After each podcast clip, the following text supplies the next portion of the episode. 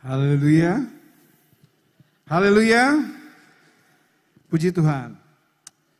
Senang sekali pagi hari ini menjumpai saudara-saudara beribadah, baik yang di ruangan utama ini maupun di Bed Eden, ya, juga yang mengikuti uh, ibadah ini secara live streaming. Tuhan memberkati saudara-saudara. Kita akan langsung saja melihat uh, firman Tuhan. Nah, saya beri judul tentang pengenalan akan Tuhan. Pengenalan akan Tuhan inilah yang hilang waktu manusia jatuh ke dalam dosa. Mereka tidak lagi mengenal Tuhan, walau sekalipun bangsa Israel, ya sampai saat ini justru mereka tidak mengenal Tuhan, tidak mengenal Allah yang benar di dalam Kristus Yesus. Nah, pengenalan akan Tuhan ini Eh, kenapa saya bawakan? Karena ini sangat penting sekali uh, untuk kita pelajari. Kalau saudara kenal Tuhan, saudara akan uh, mengakui Dia sebagai sebagaimana Dia ada, Dia adalah Tuhan. Dan pengakuan itu bukan sekedar pengakuan, tetapi merubah sikap. Sikap saudara menjadi berubah karena pengenalan itu. Ya, Kenapa kita memanggil dia setia? Kita tahu dia setia. Kita mengenal dia setia. Tidak hanya sekedar eh, satu pengakuan, tapi pengenalan itu memastikan kita untuk menyebut dia setia karena kita kenal dia. Ya. Kita tahu pengenalan itu uh, ber, ada bermacam-macam ya. Kita mengenal dia sebagai hamba. Kita yang sebagai hamba, kita mengenal dia adalah Tuhan. Nah tadi pagi kita sudah dengar khotbah dari uh, Pastor Jeff, bagaimana uh, Tuhan itu kita menyebutnya Tuhan, dan kita ini adalah hamba-hambanya. Pengenalan kita kepada Tuhan sebagai hamba. Nah kalau kita sungguh mengenal dia, itu merubah sikap kita. Sikap seorang hamba itu melayani. Nah begitu juga dengan kita, ada sikap uh, pengenalan kita yang lain lagi, pengenalan sebagai sahabat yang meningkat dari hamba menjadi sahabat, kita mengenal dia sebagai sahabat, itu pengenalan itu merubah sikap kita.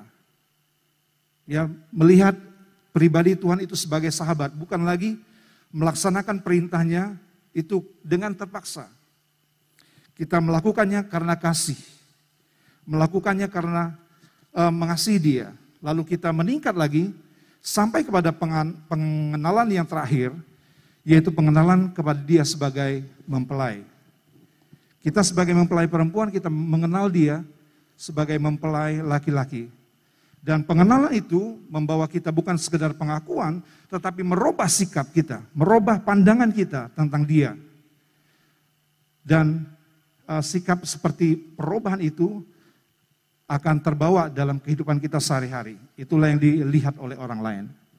Nah, uh, kita melihat ayatnya, saya baca di 1 Korintus uh, 1 Petrus 2 Petrus 1 ayat 3 maksudnya. Kita membaca ayat ini. Karena kuasa ilahinya telah menganugerahkan kepada kita segala sesuatu yang berguna untuk hidup yang saleh oleh pengenalan kita akan Dia. Ya, pengenalan kita akan Dia yang telah memanggil kita oleh kuasanya yang mulia dan ajaib. Kembali saja kepada slide. Saya akan lihatkan saudaraku.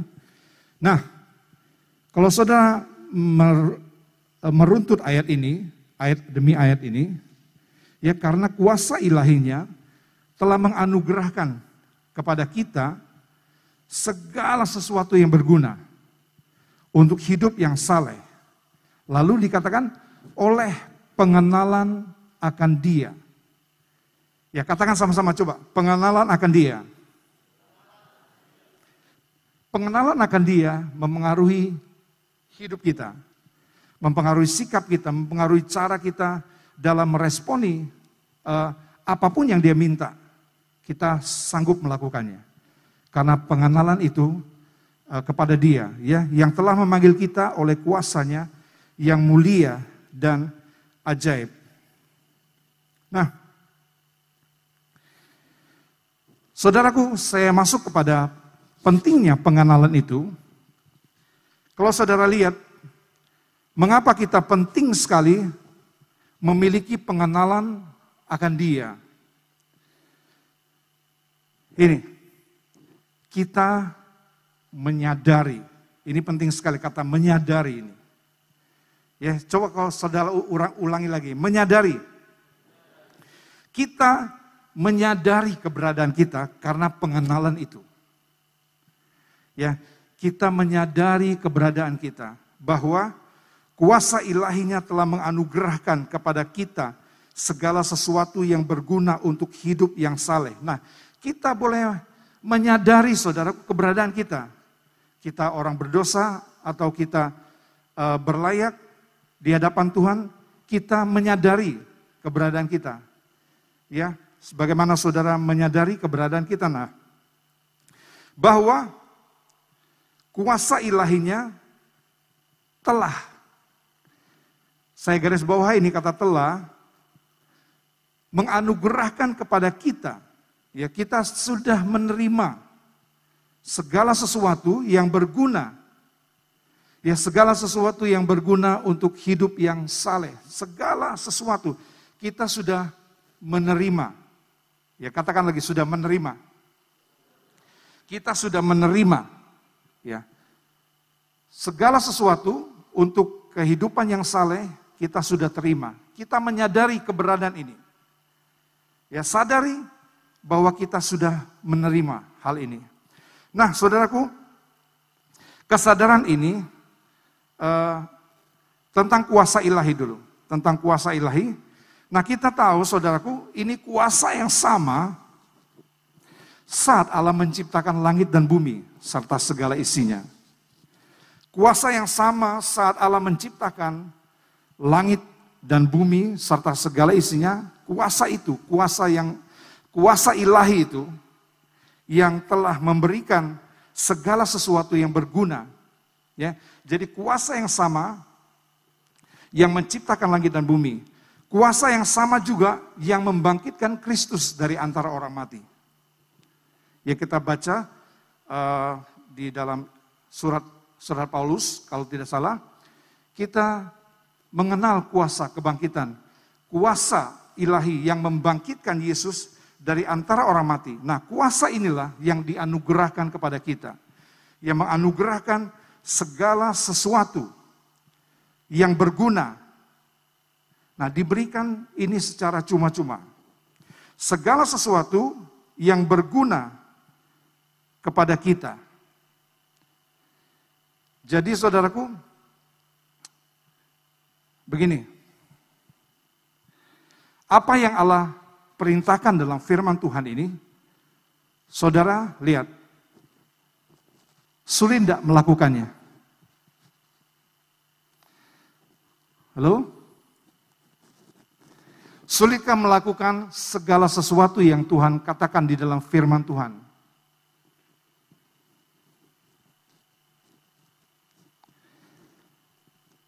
Kalau saudara menyadari hal ini, kita boleh sadar perkara ini telah menganugerahkan kuasa ilahinya, telah menganugerahkan kepada kita segala sesuatu. Saya percaya saudaraku begini, tidak ada sesuatu yang uh, Allah atau Tuhan katakan kepada kita yang tidak bisa kita lakukan. Saudara percaya? Tidak ada yang tidak bisa kita lakukan, saudaraku. Sebelum Allah memerintahkan segala sesuatu untuk kita lakukan, Allah sudah memasukkannya ke dalam diri kita. Ya Allah sudah menyuntikkannya. Ingat saudara waktu Adam diperintahkan untuk menguasai bumi, menaklukkan bumi, berkuasa atas bumi, dan taklukkanlah itu, dan beranak cuculah. Nah, apakah saudara pikir, ah ini hayalan Allah saja. Adam tidak bisa melakukannya. Saya tidak berpikir demikian. Segala sesuatu yang diperintahkan untuk kita lakukan, sekali lagi, ada kuasa ilahinya di dalam diri kita yang menyanggupkan kita untuk melakukannya. Amin saudara? Amin? Nah oke okay, kalau saudara Anda percaya, saya mau katakan tidak ada perkara yang sukar.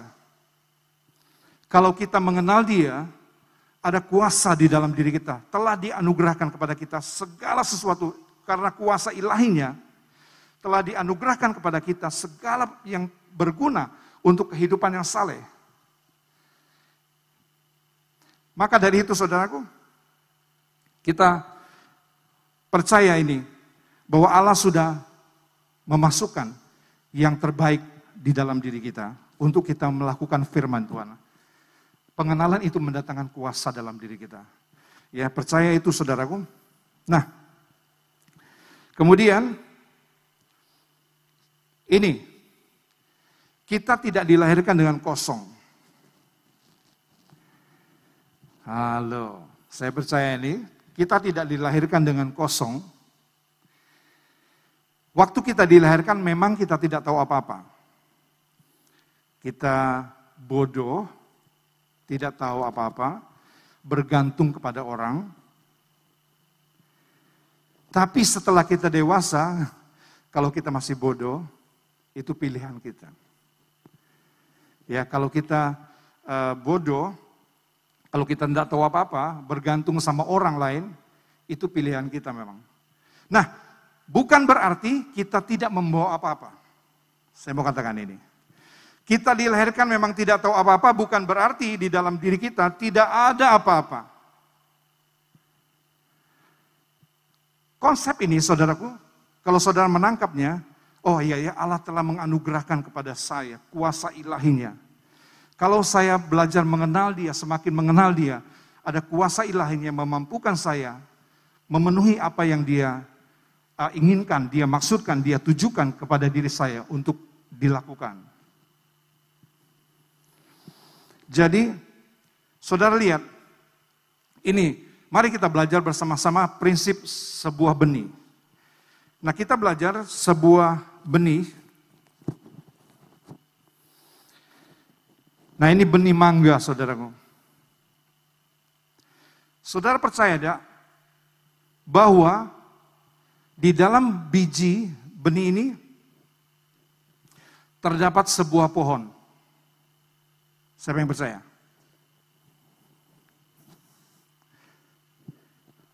Di dalam benih ini, sekali lagi saya katakan, ada sebatang pohon.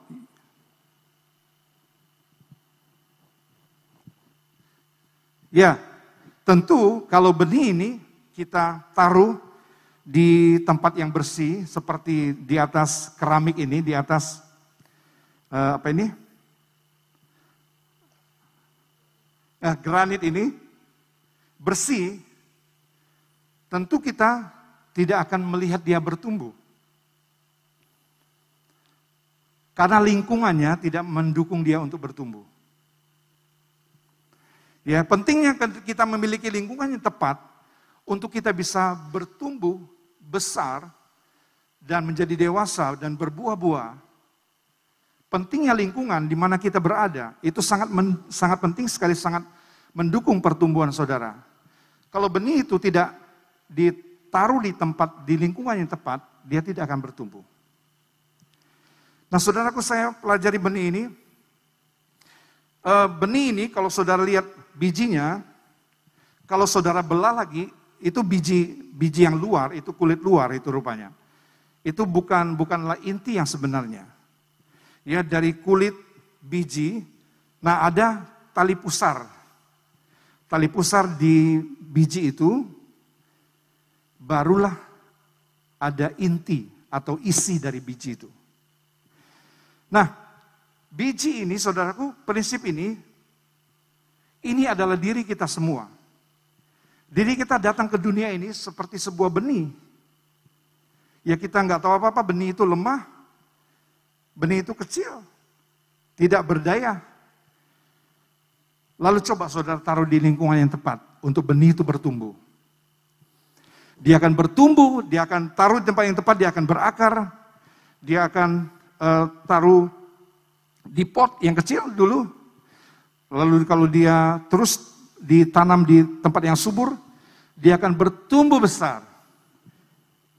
Kalau tempatnya subur, maka dia akan berbuah. Buahnya kita ambil bijinya lagi, kita tanam lagi. Satu biji kita tanam, ribuan biji kita petik. Lalu ribuan biji itu kita tanam lagi, dia punya potensi yang sama untuk berbuah, maka tidak ada yang mustahil biji yang satu ini bisa menjadi sebuah hutan. Lihatlah. Dari satu biji yang kecil, yang tidak punya apa-apa, namun ada kuasa kehidupan di dalam biji ini. Dia punya potensi menjadi sebuah hutan. Nah, kalau potensi sama yang sama ini dikubur, terkubur saudaraku, mati, kita bertanggung jawab juga atas terkuburnya kemungkinan sebuah hutan. Dan Allah meminta pertanggungan jawab dari saudaranya saya. Kita hidup kita ini seperti benih. Yang saya katakan kalau dia ditaruh di tempat yang tepat dia akan bertumbuh besar, bertumbuh lebat, bertumbuh dan bisa kemungkinan seperti hutan besar. Kalau benih itu sampai mati, dia tidak tergali, maka kita berhutang sama Tuhan untuk satu benih ini. Jadi saudara lihatlah, kita tidak datang dengan kosong, sama sekali kosong. Ya kita memang tidak tahu apa-apa, tapi bukan berarti kita tidak membawa apa-apa di dalam diri kita. Itu ada prinsip benih ini menjadi sebuah pohon. Puji Tuhan, saudaraku. Nah, itulah sebabnya kita mengenal Allah kita juga dengan sebutan dia Alfa dan Omega. Ya, dia yang apa saudara? Awal dan akhir. Dia yang terdahulu, dia yang terkemudian. Nah, dari prinsip dari prinsip benih tadi saudaraku bisa pelajari bahwa hidup kita dia sudah menyelesaikan segala sesuatu sejak awal. Oke? Okay? Dia sudah menyelesaikan segala sesuatu sejak awal. Itulah kenapa dia disebut dia adalah alfa, dia adalah omega. Dia tidak uh, meng, saudara misalnya, saudara buat kesalahan, lalu Allah menghentikan rencananya. Atau ketika saudara membuat kekeliruan yang fatal, dia menghentikan rencananya. Dia tidak demikian, dia tidak bekerja di seperti kita di pertengahan. Kita di, kita ini dikuasai oleh waktu. Kita tidak bisa kembali ke dahulu, kita nggak bisa maju ke depan, kita hidup di hari ini. Tetapi Tuhan itu berada di luar waktu. Waktu itu ada di tangan dia, waktu yang dulu, waktu yang kemudian, waktu sekarang apalagi, itu satu titik di tangan Tuhan. Dia penguasa waktu itu. Jadi dia sudah selesaikan saudaraku, termasuk hidup kita. Dia sudah selesaikan apa rencananya buat kita, dia sudah selesaikan. Semua dia sudah selesaikan. Termasuk tiap kali tahun baru, saya merenungkan satu hal. Tuhan, engkau sudah selesaikan. Di tahun baru, misalnya tahun baru 2021 ini. Tuhan, Tuhan sudah selesaikan. 2001 sampai Desember, dia sudah rampungkan itu. Walaupun saya berada di bulan Januari. Dia bekerja dengan caranya seperti itu. Itu prinsip. Itu dia bekerja secara uh, sempurna. Seperti itu pekerjaannya. Jadi saudaraku, dia sudah menyelesaikan segala sesuatu dari awal. Kalau itu tidak, kita berdoa supaya begini. Tuhan, apa yang menjadi rencanamu, aku jalani dengan baik. Maka akan sampai di ujung. Kita manusia, saudaraku, terlalu banyak pilihan. Nah itulah, kuasa yang Allah berikan kepada manusia itu belum dicabut Waktu kita jatuh dalam dosa, itu enggak diambil dari Tuhan, pilihan. Kita tidak, uh, tidak diciptakan seperti sebuah robot, tetapi Allah memberikan pilihan itu kepada kita. Kita bebas memilih. Nah, karena kuasa dosa, kita tercemar, pikiran kita tercemar, hati kita tercemar. Banyak kali pilihan-pilihan kita salah. Banyak kali arah yang Allah sudah atur, sudah rancang dengan sempurna, kita menyimpang. Dan kita tidak selesaikan apa yang sudah Allah buat di dalam hidup kita. Begitulah dengan hidup saudara. Saya percaya karya Allah selesai sudah di dalam hidup kita semua. Allah bekerjanya seperti itu saudara. Masa depan kita itu bagi kita di depan, tapi bagi Tuhan itu di tangan dia. Dia berharap kita mengerti rencananya, kita mengenal dia, kita jalani rencana setahap demi setahap. Dia tidak buka semuanya. Dia buka selangkah demi selangkah. Pilihan tergantung pilihan kita. Apakah kita menyelesaikannya dengan baik? Apakah pilihan-pilihan kita membuat kita tidak memilih yang baik itu, lalu kita menyimpang terhadap jalur yang benar yang Allah sudah berikan buat kita. Nah, kita membaca Yesaya. Yesaya 46.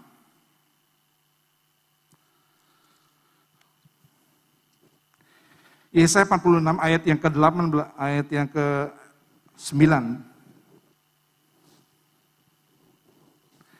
Yesaya 46 ayat 9 dan 10. Saudara perhatikan, ingatlah hal itu dan jadilah Ingatlah hal-hal yang ter, yang dahulu dari sejak purbakala bahwa akulah Allah dan tidak ada yang lain. Akulah Allah dan tidak ada yang seperti aku. Itu sebabnya dia benci sekali penyembahan berhala. Penyembahan berhala itu tidak tahu apa-apa. Kita menciptakan uh, sesuatu telinga tidak yang tidak bisa mendengar, mata yang tidak bisa melihat, dia tidak punya apa-apa. Dia katakan, akulah Tuhan, tidak ada Allah yang seperti aku. Yang memberitahukan dari mulanya. Ya, sekali lagi, yang memberitahukan dari mulanya hal yang kemudian. Artinya apa? Dia sudah selesaikan yang kemudian. Lalu dia membawanya kepada kita. Dia memulainya di dalam hidup kita. Nah, Saudaraku, yang memberitahukan dari mulanya hal yang kemudian. Dari zaman purbakala, apa yang belum terlaksana. Yang belum terlaksana itu kita, bagian kita belum terlaksana. Tetapi bagi dia, itu sudah dirancangkan sampai ke depan, sampai kesudahan alam ini. Bagi diri kita. Nah, saudaraku, uh, terus yang berkata, Kepudus, keputusanku akan sampai, segala kehendakku akan kulaksanakan. Ya kehendak Tuhan pasti jadi. Keputusan Tuhan itu pasti jadi, sudah selesai, keputusanku akan sampai. Lalu dia memulainya dengan hidup kita. Saya mau katakan sekali lagi, dia sudah menyelesaikan segala sesuatu, dia sudah selesaikan. dan dia memulainya dengan hidup kita. Jadi hidup kita uh, sudah selesai, saudaraku. Kalau saudara membaca ayat yang ke Yesaya 45, ayat yang keempat, Yesaya 45 tidak ada di slide ini. Yesaya 45 ayat yang keempat. Oleh karena hambaku Yakub dan Israel pilihanku, maka aku memanggil engkau dengan namamu menggelari engkau apa? Selanjutnya sekalipun engkau belum mengenal aku, bukan tidak belum lah, belum mengenal aku. Ya. Itu sebagai pengenalan pengenalan kepada Allah itu penting sekali. Karena itu merubah sikap kita menanggapi Dia. Ya, perubahan-perubahan itu penting sekali, Saudaraku. Ayat 5. Akulah Tuhan dan tidak ada yang lain. Sama sekali dia, dia ulangi kembali. Akulah Tuhan dan tidak ada yang lain kecuali aku. Tidak ada Allah. Aku telah mempersenjatai engkau sekalipun. Apa? Engkau tidak kenal aku. Dia bekerja melampaui hidup kita. Dia bekerja sudah selesai semua di dalam tangannya. Yang sempurna. Dia sangat berharap saudaraku kita memahami, mengenal Dia, tahu jalan-jalannya. Setiap pilihan-pilihan kita, kita mesti hati-hati sekali untuk tidak salah dalam memilih. Kalau pilihan kita salah, kita menyimpang terlalu jauh dari Dia. Dia masih menunggu kita kembali. Dan itulah Allah kita. Nah, kita kembali ke ayat tadi. 2 Petrus 1 ayat 3. Karena kuasa ilahinya telah menganugerahkan kepada kita segala sesuatu yang berguna untuk hidup yang saleh. Ya, untuk hidup yang saleh. Hidup yang saleh ini hidup apa sih? Saya coba pelajari saudaraku. Dua kata sebenarnya dalam bahasa Inggris dikatakan for life ya and for holiness. Untuk kehidupan dan untuk kesalehan. Tapi dua kata ini, di kata pertama itu kehidupan Zoe, memakai kata Zoe, hidup yang kekal. Nah, saya simpulkan begini saudaraku, untuk kehidupan yang salah itulah kehidupan yang penuh kesadaran. Kita menyadari kesadaran kita karena kita mengenal dia, kesadaran tentang kehadirannya. Kita menyadari di mana kita ada, dia ada di sana. Di mana dia ada, kita ada di sana. Kita ada di mana dia ada. Ya kita tidak bisa melarikan diri daripada daripadanya. Mazmur 139. Bahkan sampai waktu kita dalam kandungan ibu kita, malah hari-hari kita sudah dia tulis. Hari-hari yang akan kita hidupi, dia sudah menulisnya dengan rapi Aduh, dengan indah dia tulis. Dan dia masukkan kitab itu ke dalam diri kita. Kita diberi pilihan untuk memahami dia, untuk mengenalnya, sampai kita bisa selesaikan semuanya. Itu sebabnya, saudaraku, kita uh, kehidupan kita yang penuh kesadaran tentang kehadiran Tuhan itulah kesalehan. Kesalehan itu bukan setia ibadah, itu termasuk salah satunya. Tetapi lebih dari itu, di mana pun kita berada, kesadaran kita akan kehadiran Tuhan itu kuat di dalam diri kita. Kesadaran setiap kali kita ingat, ada Tuhan yang melihat kita, ada Tuhan yang mengenal kita. Kita bilang kita kenal dia, ya. Kita rindu juga dia kenal kita. Kita kenal dia, dia kenal kita. Nah, melahirkan sikap hidup yang berbeda ini saya katakan. Coba kita baca di dalam Kejadian 28. Kejadian 28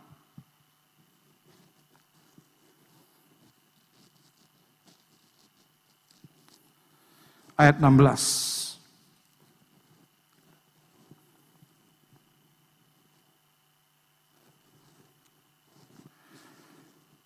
Nah, Ketika Yakub bangun dari tidurnya, berkatalah ia, ya ketika dia bangun dari tempat tidurnya, wow, sesungguhnya Tuhan ada di tempat ini.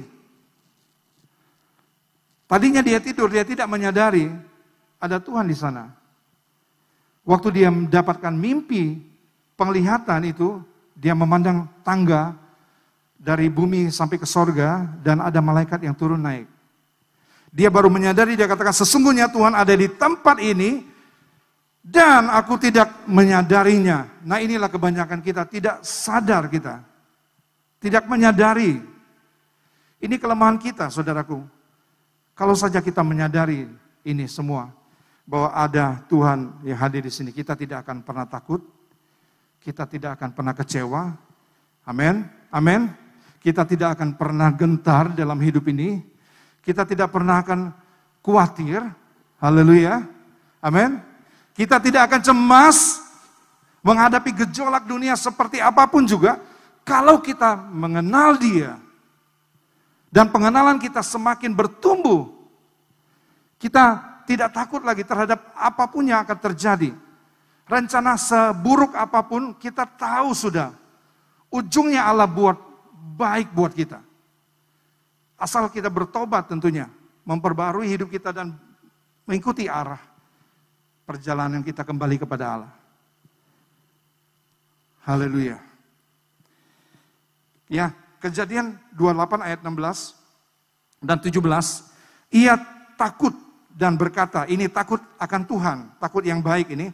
Alangkah dahsyatnya tempat ini, ini tidak lain dari pintu, ini tidak lain dari rumah Allah. Ini pintu gerbang sorga, dia katakan. Dia tidak menyadari tadinya, tetapi ketika dia sadar, tempat itu dia jadikan mesbah doa. Saudaraku dia bangun eh, keesokan harinya, pagi-pagi Yakub mengambil batu yang dipakainya sebagai alas kepala dan mendirikan di situ tugu peringatan ya bahwa Allah pernah hadir di sini. Lalu saudaraku lihatlah perubahan-perubahan hidup daripada daripada Yakub. Dia berubah sekali. Sikapnya tadinya takut terhadap Esau. Tapi dia diberi diberi keberanian. Oh, aku tahu Allah menyertai aku. Aku tahu Tuhan ada. Bahkan yang menakjubkan dia bernazar. Dia bernazar akan memberikan segala sesuatu uh, memberikan, mempersembahkan sepersepuluh daripada penghasilannya. Tidak diminta ini, tetapi dia inisiatif tersadar bahwa dia harus memberikan persembahan. Nah, luar biasa saudaraku sekalian. Kesadaran akan Tuhan ini penting sekali. Inilah kehidupan yang saleh saya mau katakan. Nah, kita mengakhiri firman Tuhan pada saat ini, inilah pentingnya pengenalan akan Tuhan. Ya, umatku binasa karena tidak mengenal Allah. Mereka berpikir mereka mengenal, Allah dengan beribadah. Sampai hari ini, saudaraku, kasihan sekali orang Israel. Dia tidak mengenal Yesus sebagai Allah yang benar. Sama seperti dia membinasakan Israel, Israel masa depan akan masuk ke dalam masa antikristus yang disampaikan oleh Bapak Gembala. Mereka yang tidak percaya kepada Yesus akan mungkin akan mengakui mengakui Yesus Tuhan nanti di sana. Ya kalau mereka bertobat tentunya. Dan lihatlah, umatku binasa karena tidak mengenal Allah. Mereka karena engkaulah yang menolak pengenalan itu, maka aku menolak engkau menjadi imamku. Ya. Lagi seterusnya,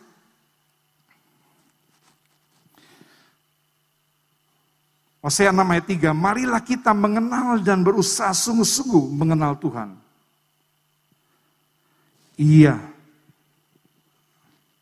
Nah, ia pasti muncul seperti fajar. Pertolongannya itu pasti seperti fajar yang muncul, seperti terang di tengah kegelapan muncul. Ya. Dia tidak pernah terlambat. Amin. Pertolongannya tidak pernah terlambat dalam hidup saudara. Kalau saudara sungguh-sungguh mengenal dia, pengalaman-pengalaman kita membuat semua ini lebih lebih jelas kita melihat rencana Tuhan. Dia tidak pernah terlambat, ia pasti muncul seperti fajar. Ia akan datang kepada kita seperti hujan. Wow. Ia pasti datang. Pada waktu itu musim kemarau, panjang. Tapi dia katakan, saya katakan, Kenalah Tuhan, mengenal berusaha, kenal dia dengan sungguh-sungguh. Ia akan datang seperti fajar. Ia akan datang seperti hujan. Saudara. Nah, luar biasa sekali kita kita lihat ayat ini Hosea 6 ayat yang ke-6. Sebab aku menyukai kasih setia dan bukan korban sembelihan. Dan dan apa? Menyukai pengenalan akan Allah. Tuhan suka. Tuhan berkenan. Jadi kesenangannya Tuhan. Kalau melihat umatnya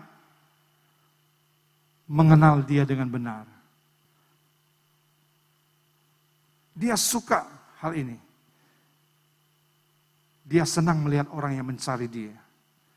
Yang mengenal dia sebagai Tuhan dan juru selamat. 2 Petrus 3 ayat 18. Tetapi bertumbuhlah. Kita baca sama-sama ya. Dua, tiga. Tetapi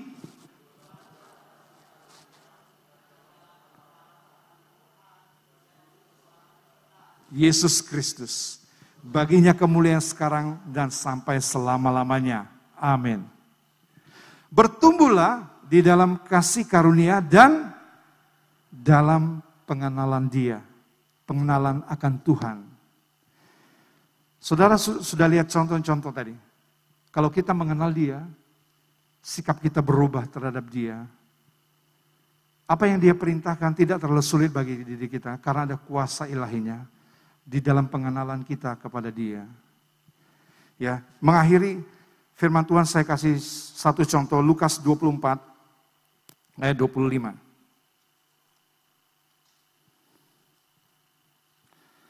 Lukas 24 ayat 25.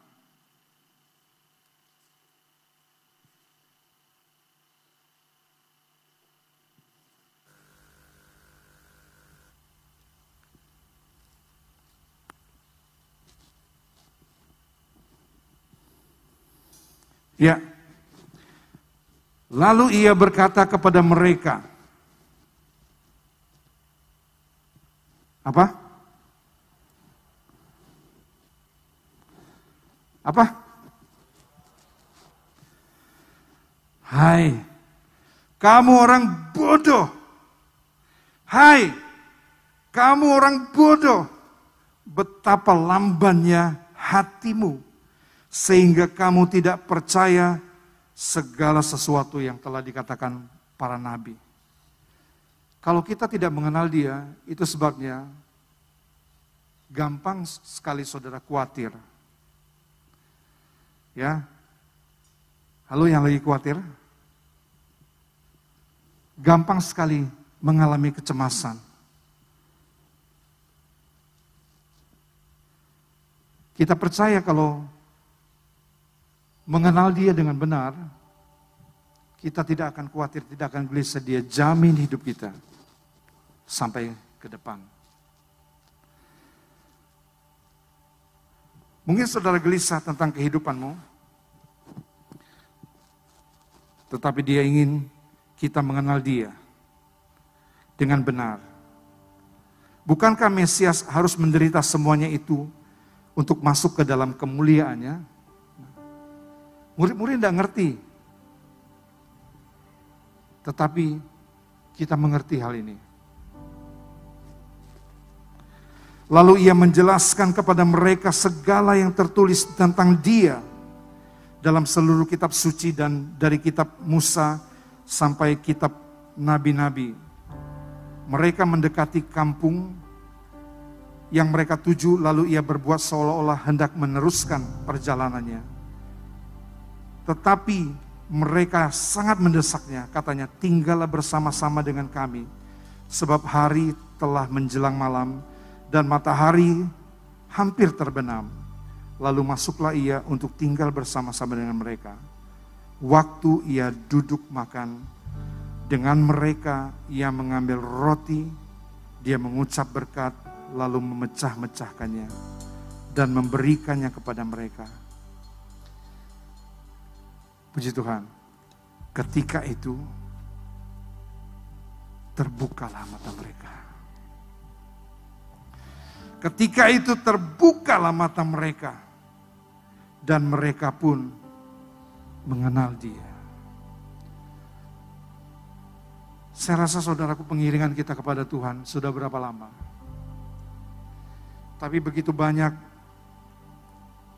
jemaat yang hidupnya khawatir gelisah, takut dan cemas. Ya, kita diperintahkan untuk firman Tuhan, lakukan firman Tuhan, tetapi terlalu berat firman itu. Sebenarnya kalau kita mengenal dia, tidak ada yang terlalu sukar. Dalam diri kita ada kuasa ilahinya. Dia sanggup menolong, menyelamatkan kita. Sampai rencananya digenapi di dalam hidup kita semuanya. Amin untuk firman Tuhan.